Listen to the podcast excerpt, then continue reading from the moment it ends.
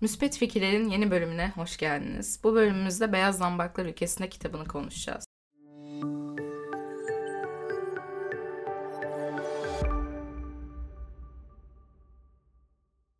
Kitabı hepiniz Atatürk'ün müfredata konulmasını istediği kitap olarak biliyorsunuzdur muhtemelen. Zamanında Türkiye'de Kur'an'dan sonra en çok satılan kitap olmuş vesaire. Kitapta Finlandiya'nın İsveç egemenliğinden kurtulduktan sonra sahip olduğu kötü koşullardan nasıl sıyrılıp mükemmel bir ülke olduğunu anlatıyor. Tam bir tarih kitabı değil. Biraz içerisinde kurgusal konuşmalar, karakterler vesaire katılmış. O yüzden biz daha çok ana fikirleri inceleyeceğiz. Finlandiyalılar 1811 yılına kadar İsveç hakimiyeti altındalarmış. İktidar, ticaret, sanat, okullar, kilise hepsi İsveçlerin elindeymiş. İsveçli memurlar, öğretmenler, hakimler Finlandiyalılara ikinci sınıf insan olarak bakıyormuş. Rus Çarı 1. Alexander 1808 yılında Rusya ile İsveç arasındaki savaş sırasında Finlandiya'nın yarısını ele geçirmiş ve halk temsilcilerini toplayarak kendilerine şu soruyu sormuş. Sizler daha önce olduğu gibi İsveç egemenliği altında kalmayı arzu eder misiniz? Yoksa kendi yönetiminiz altında Fin halkının eskiden sahip olduğu hakların aynen muhafaza edilmesi koşuluyla Rusya ile birleşmek mi istersiniz? Fin halkının temsilcileri de Rusya ile birleşmeyi kabul etmiş ve kendi aydın ve yöneticilerini yetiştirme imkanına kavuşan Finlandiyalılar büyük bir gayretle kültür ve eğitim çalışmalarına başlamışlar. Bu Fin devrimine önderlik etme görevini de Snellman üstlenmiş ki kendisinden ilerleyen dakikalarda daha çok bahsedeceğiz. Finlandiya bu sürece başladığında halkın büyük çoğunluğu cahil, alkolik, kaba vesaire yani ne kadar kötü özellik varsa ondanmış. Toprakları verimsiz, yoksul bir bataklık ülkesi adeta ve düzelip yükselmeleri de hiç doğal olmayan bir şekilde oluyor. Ciddi ciddi ülkenin aydınları köy köy gezip insanları bilinçlendirmeye çalıştıkları bir kültürel devrim aslında. Kitapta bize bu kültürel devrimi anlatırken bazı şeyleri de ikna etmeye çalışıyor. Asıl ana fikir şu. Herkes daha güzel bir ülkede yaşamak istiyor ama bu daha güzel ülkeyi tasarlama ve bu tasarıyı hayata geçirmek konusunda elini taşın altına koymak isteyen kimse yok. Sürekli olarak da buna karşı bir eleştiri var. Ee, insanlar kitaptaki kullanımıyla hayatı yeniden tasarlamaya davet ediliyor. Halka karşı bir sorumluluk yükleniyor aslında hepimize. Özellikle de aydın sınıfa. Yani siz sürekli toplumun geniş kesimlerini aşağılıyorsunuz, cahil diyorsunuz ama eğer böyleyse bu sizin eseriniz, sizin suçunuz. Bu toplum sizleri odalarınıza kapatıp kapanıp gerçek hayatta karşılığı olmayan tartışmalara girin diye yetiştirmedi. Faydalı olmanız için yetiştirdi gibi bir görüş var. Hatta tam olarak şöyle yazıyor. Halkınızın cehaleti, kabalığı, ayyaş ve ahlaksız hayat tarzı, hastalıkları ve fakirliği sizin utancınızdır. Bu durumun suçlusu sizsiniz. Bence bu bir yere kadar doğru. Yani tamam toplumculuk, insanları kendi kaderine bırakmama, başkaları için bir şeyler yapma. Bunlar güzel şeyler, güzel duygular. Ama insan bir yerde de düşünüyor. Yani hadi 20 20. yüzyılda insanlar bilgiye erişemiyordu falan. Ama şu an cahil olmak için sebep nedir yani? İnternet diye bir şey var. Bütün haberlere, bilgilere, işte gazetecilere, aydınlara, tarihçilere hepsine ulaşabiliyorsun. Hepsinin içeriklerine ulaşabiliyorsun. İnsanlar çıkıyor herkesin izleyebileceği, izleyebileceği platformlarda ideolojik, siyasi vesaire tartışmalara giriyorlar. İşte yol ya da yolsuzluklar, hukuksuzluklar anlatılıyor. Bütün bu imkanlara rağmen ya bu hafta mesela bir şey oldu benim aklıma gelen. Ee, dün, dün mü oldu, önceki gün mü oldu yani. Bir kadın cin çıkarma diye gittiği yerde 100 sopa yedikten sonra öldü. Bir başkası doların kur, turşusunu kurdu bize gavur parasından hayır gelmez diye falan yani. E, abi bu da insanların kendi cahil kalmaktaki ısrarı yani artık hani bunlara aydınlar ne yapabilir ya da sıradan halk biz bunlara ne yapabiliriz? Bir de bir yerden sonra dayanılmaz bir hale geldi artık. Yani bugün YouTube'da bir yorum gördüm. Adam Kılıçdaroğlu'na şey yazmış. Siz Sağlık Bakanıyken hastaneleri batırdınız yazmış. Yani bir tane SSK, SSK'ya batırdığı yalanı söyleyecekler hani doğru da olmayan akla mantığa sığmayan. Onu da beceremiyor yani. Hani herif Kılıçdaroğlu'nun sağlık bakanıydı zannediyor. yani kitapta mesela Snellman hakkında demiş ki insanlara bir doktorun hastalarına baktığı gibi bakıyor ve tedavi edilmeleri gerektiğini düşünüyordu.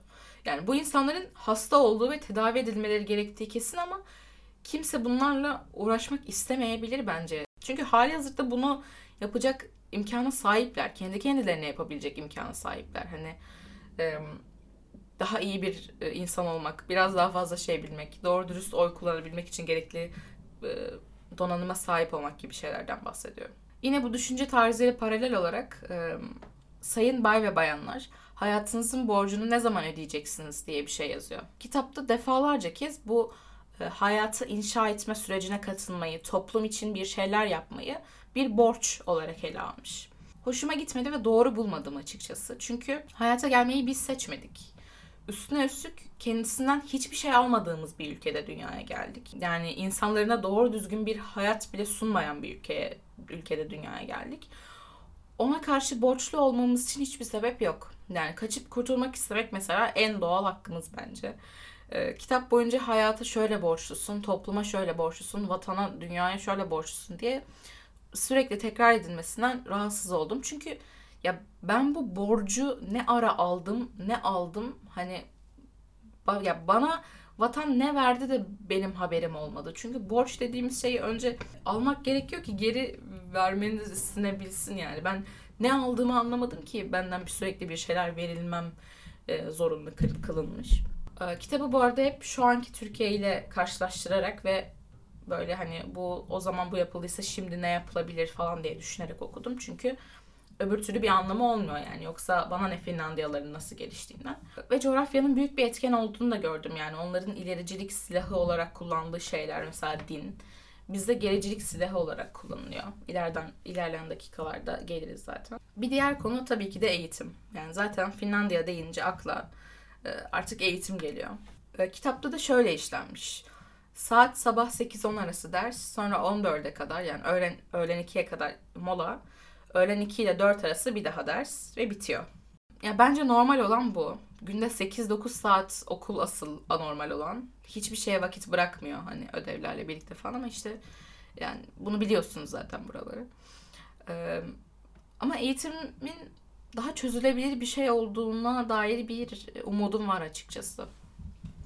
Yani sanki eğitim sistemini düzeltmek o kadar e, zor bir şey değilmiş gibi hissediyorum. Yani Kılıçdaroğlu anlatmıştı mesela Finlandiya'dan eğitim reformu yapan ekibi getirmişler.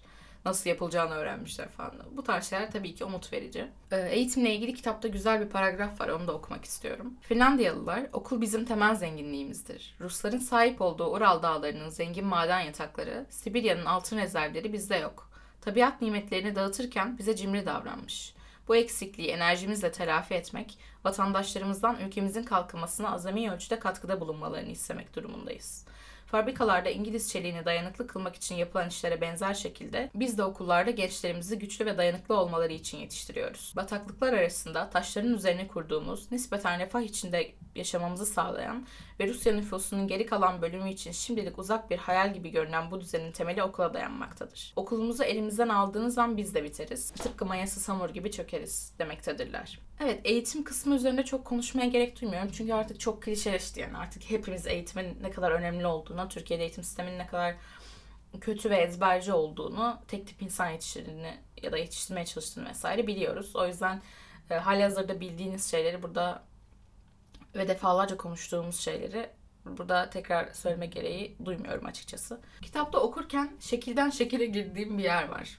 O da alkole karşı büyük bir savaş verilmiş olması. Hatta tam olarak paragrafı okuyayım. Alkol tüketimine karşı acımasız bir savaş verilmektedir. Finlandiyalılar tabiatları itibariyle alkole meyilli insanlardır. Fakat bu eylemin görmezden gelinmesi söz konusu dahi değildir. Finlandiya'da devlet hazinesini vodkadan elde edilen gelirlerle doldurma yönünde çaba gösterilmezken, yönetim insanları ayartmamak için vodkayı sandığa kilitleyerek halkın gözünden mümkün olduğu kadar uzak tutmaya çalışmaktadır. Finlandiya'nın her tarafında vodka sadece büyük kaplarda satılmakta olup, İçinde 3,5 şişe vodka bulunan ve 5 marka satılan bu kapları halkın büyük kısmı fiyatlarından dolayı alamamaktadır. Bunun yanı sıra geçtiğimiz yıl Finlandiya parlamentosu bütün alkollü iç- içkilerin hatta biranın bile tamamen yasaklanmasını öngören yasa hazırlamıştır. Bu paragrafı okuduğumda gerçekten çok sinirlendim ve çok AKP'li bir davranış olduğunu düşünüyorum. Ee, yani toplum mühendisliği, top falan yani toplumu iyi şeylere yönlendirmeye çalışmak bir yere kadar ama yani Devlet bu kadar insanların hayatına burnunu sokamaz bence ya da yönetim. Ee, ki Finlandiyalılar şu anda alkolik ya da şu anda alkol seven bir millet ama hala dünyanın en mutlu ülkesi yani. O yüzden e, böyle bir saçmalık olmaz. Kitapta da sürekli ay yaş ahlaksız falan diye milleti aşağılıyor sinir oldum. Yani bu çok fazla artık bireysel sivil özgürlüklere e, aşırı müdahale edilmiş. Bu kısmı o yüzden şu an hani Yani şu anın Türkiye'sinde buradan ders çıkaracağımız bir şey olduğunu düşünmüyorum. Yani alkolü yasaklamak gibi saçma bir e, ders çıkarmamız gerektiğini zannetmiyorum. Sinir olduğum şöyle benzer bir yer daha var. Okumak uzun olacağı için kısaca anlatıyorum işte. Özetle şunu söylüyor. E, din şöyle güzel, böyle güzel. Din bizi birlikte tutuyor. Din olmadan toplum ve aile ayakta kalamaz. Kitlelerin dine ilgisizliği tehlikelidir. Dinsizliğin sonucunda hırsızlık başlar falan böyle salak salak ileri gitmiş. Hatta şöyle bir cümle var. Ciddiyetten uzak gençlik ve akıl fakiri liberal düşünürler dinsizliğin özgür düşüncenin yansıması olduğunu söylemekte büyük bir hata yapıyorlar. Bu cümleyi yarısına kadar okuduğumda e, liberallere salladı falan diye böyle gülmüştüm. Sevinmiştim ama sonra çok e, salak bir yerden salladığını gördüm yani. Ben kitap okurken kitabın üstüne not alan bir insanım. E, ve buraya açıkçası direkt kocaman siktir git yazmışım. E, çünkü ya inançsız bir insan olduğum için doğal olarak kendimi hedef alınmış hissettim. Sorunun dinsizlik olmadığı bence toplumda çok açık. Hatta tam aksi olduğunu da hepimiz biliyoruz. İşte Enes Kara, Enes Kara haberini yeni aldık. Ben hiç ateist bir ailenin çocuğu olup beni ateizme zorluyorlar, şunu yapmaya zorluyorlar falan diye intihar eden ya da baskı uyguluyorlar diye kendine zarar veren birini duymadım. O yüzden sorun toplumsal hayatın dinden arınması değil, tam tersi dinin toplumsal hayatın her yerinde olması. Ve bugün şöyle bir şey gördüm mesela. Ya bir şerefsiz evladı, gerçekten karaktersiz, ahlaksız birisi. Enes Kara'nın haberinin altına cehenneme kadar yolu var yazmış. Yani insanlar tepki verince de çok doğal olarak dinsiz herif işte dinsiz herife cennet mi dileyecektim adam Allah'a inanmıyormuş falan filan demiş. Yani bunu yazan ahlaksız, aklını ve vicdanını peynir ekmekle yemiş bu adam toplum için bir problem teşkil etmiyor. Ama ben ediyorum öyle mi? Yani ya bunu yazan, bu yorumu yazan potansiyel IŞİD militanı ya. Ya herif Müslüman değil diye bir çocuğun ölmesine mutlu olmuş. Neden? Çünkü şöyle düşünüyor yani. Bizi Allah yarattı. E bunlar kendini yaratana isyan ediyor, inanmıyor. Şerefsiz bu diye düşünüyor. Ya bu düşüncede insanlar varken kimse benden toplumu tehlikeye atan şeyin dinsizlik olduğuna inanmamı beklemesin.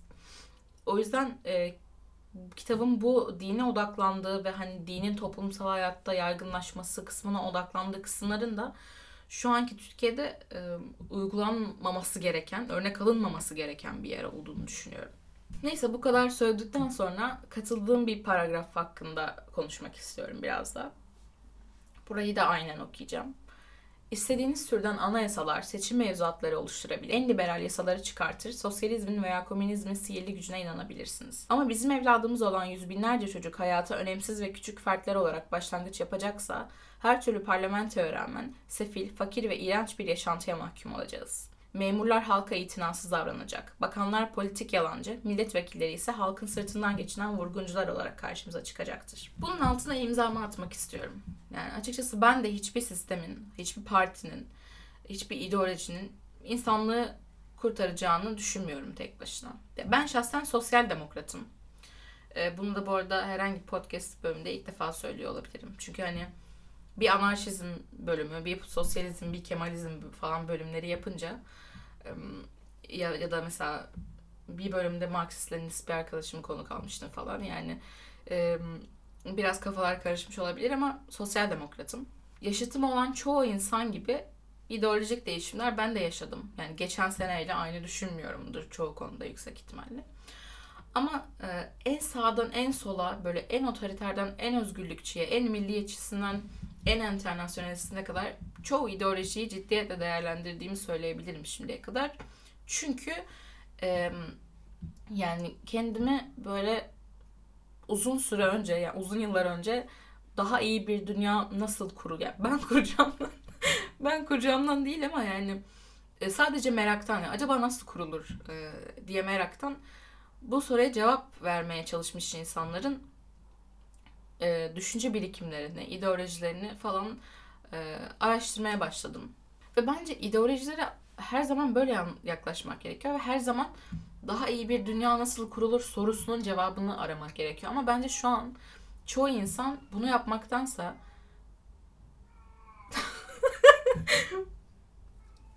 Kedimin sesi geliyordur şu an yüksek ihtimal. Bir saniye. Evet, bence şu an çoğu insan bunu yapmaktansa e, hani bir tanesine ikna olmuş, herhangi bir ideolojiye ikna olmuş ve artık onu haklı çıkarmaya çalışıyor. Her yerde böyle herkes ona inansın istiyor. Tek doğrunun o olduğunu düşünüyor. Yani asıl amacı, siyasetin asıl amacını hani insan hayatını nasıl güzelleştiririz ve sorunları nasıl çözeriz e, sorusuna cevap aramamız gerektiğini hepimiz unutmuşa benziyoruz gibi geliyor bana. Ee, öyle yani. Bunu unutmamak gerekiyor. Hiçbir ideolojinin böyle nasıl diyeyim bir ideoloji sahibi olmak kötü bir şey değil. Yani öyle salak bir e, triplere de girmeyeceğim. İşte abi ideolojiler insanlığı kandırma falan. Böyle bir şey yok yani. Herkesin tabii ki siyasi görüşü e, daha önceki belirli bir kesime, belirli bir birikime yakın olabilir. Ama tek gerçeğin o olmadığını ve onun dünyayı kurtarmak için yeterli olmadığını ya da ülkeyi ya da mahalleyi hepimizin hatırlaması gerektiğini de düşünüyorum. E, bütün sistemler içerisinde aklınıza gelebilecek bütün ekonomik, siyasi yapılar içerisinde kötü bir insan olabilirsiniz ve kendi topluluğunuzu hepsinin içinde cehenneme çevirebilirsiniz. O yüzden insanın e, kendisi hariç hiçbir şeyin kurtarıcı gücüne tam olarak güvenmemek lazım. Şimdi altına imzamı atmak istediğim bir başka paragraf daha okuyorum. İnsanlar için vatan sevgisi kavramı, kaba ve çirkin bile olsa onlara ait olan değerleri yüceltmek ve bunların en iyi ve en doğru olduğunu kendine beğenmiş şekilde kabul etmekle eş anlamlıdır. Tehlikeleri görmemek için kafalarını çöldeki deve kuşu gibi kuma gömmüşler. Birileri kafalarını kumdan çıkarmaya çalıştığında çok kızıyorlar. İnanılmaz tanıdık gelmiştir eminim dinleyen herkese. Çünkü yaşanan tam olarak bu şu an Türkiye'de. Yani resmen Cumhur İttifakı seçmenini birini görüp yazmış gibi hissediyorum. Çünkü ya gerçekten şu çok var. Vay efendim siz niye ülkenizi kötülüyorsunuz? Ülkemiz kötü durumda onun için kötülüyoruz. Yani insanlar yoksul diyoruz çünkü insanlar yoksul. Geride kaldık diyoruz çünkü geride kaldık. Çoğunluk cahil diyoruz çünkü çoğunluk çoğunluğu cahil bıraktınız. Yani o yüzden bu gerçekleri söyleyenlerin olan durumu göstermeye çalışanların ağzını bantlamaya çalışmak çok salakça bir şey. Ülkenizi kötülemeyin. E, ülkeyi kötüleştirmeseydiniz de kötü demeseydik. Ülkenizin basın özgürlüğünde, mutluluk endekslerinde, e, refah endekslerinde dünyada sonlarda olmasından rahatsız olmuyorsanız e, bir zahmet insanları yurtseverlik pazarlamaya çalışmayın. Kitap hakkında konuşmak istediklerim sanırım bu kadardı. E, genel olarak bazı şeylerine katıldığım yani birazcık toplumsal sorumluluk yüklemenin iyi olabileceği gibi şeylere katıldığım ama bir yandan şu anki Türkiye'ye uyarlanamaz ve hatta uyarlanmaması gereken e, süreçlerden de geçtiğini Finlandiya'nın görmüş olduğum e, bir kitaptı genel olarak. Bundan sonra daha sık bölüm atmayı düşünüyorum. Bir sonraki bölümde görüşmek üzere. Bölümü beğendiyseniz ve Spotify'da podcast'i takip etmiyorsanız takip edebilirsiniz. E, kendinize iyi bakın. Hoşçakalın.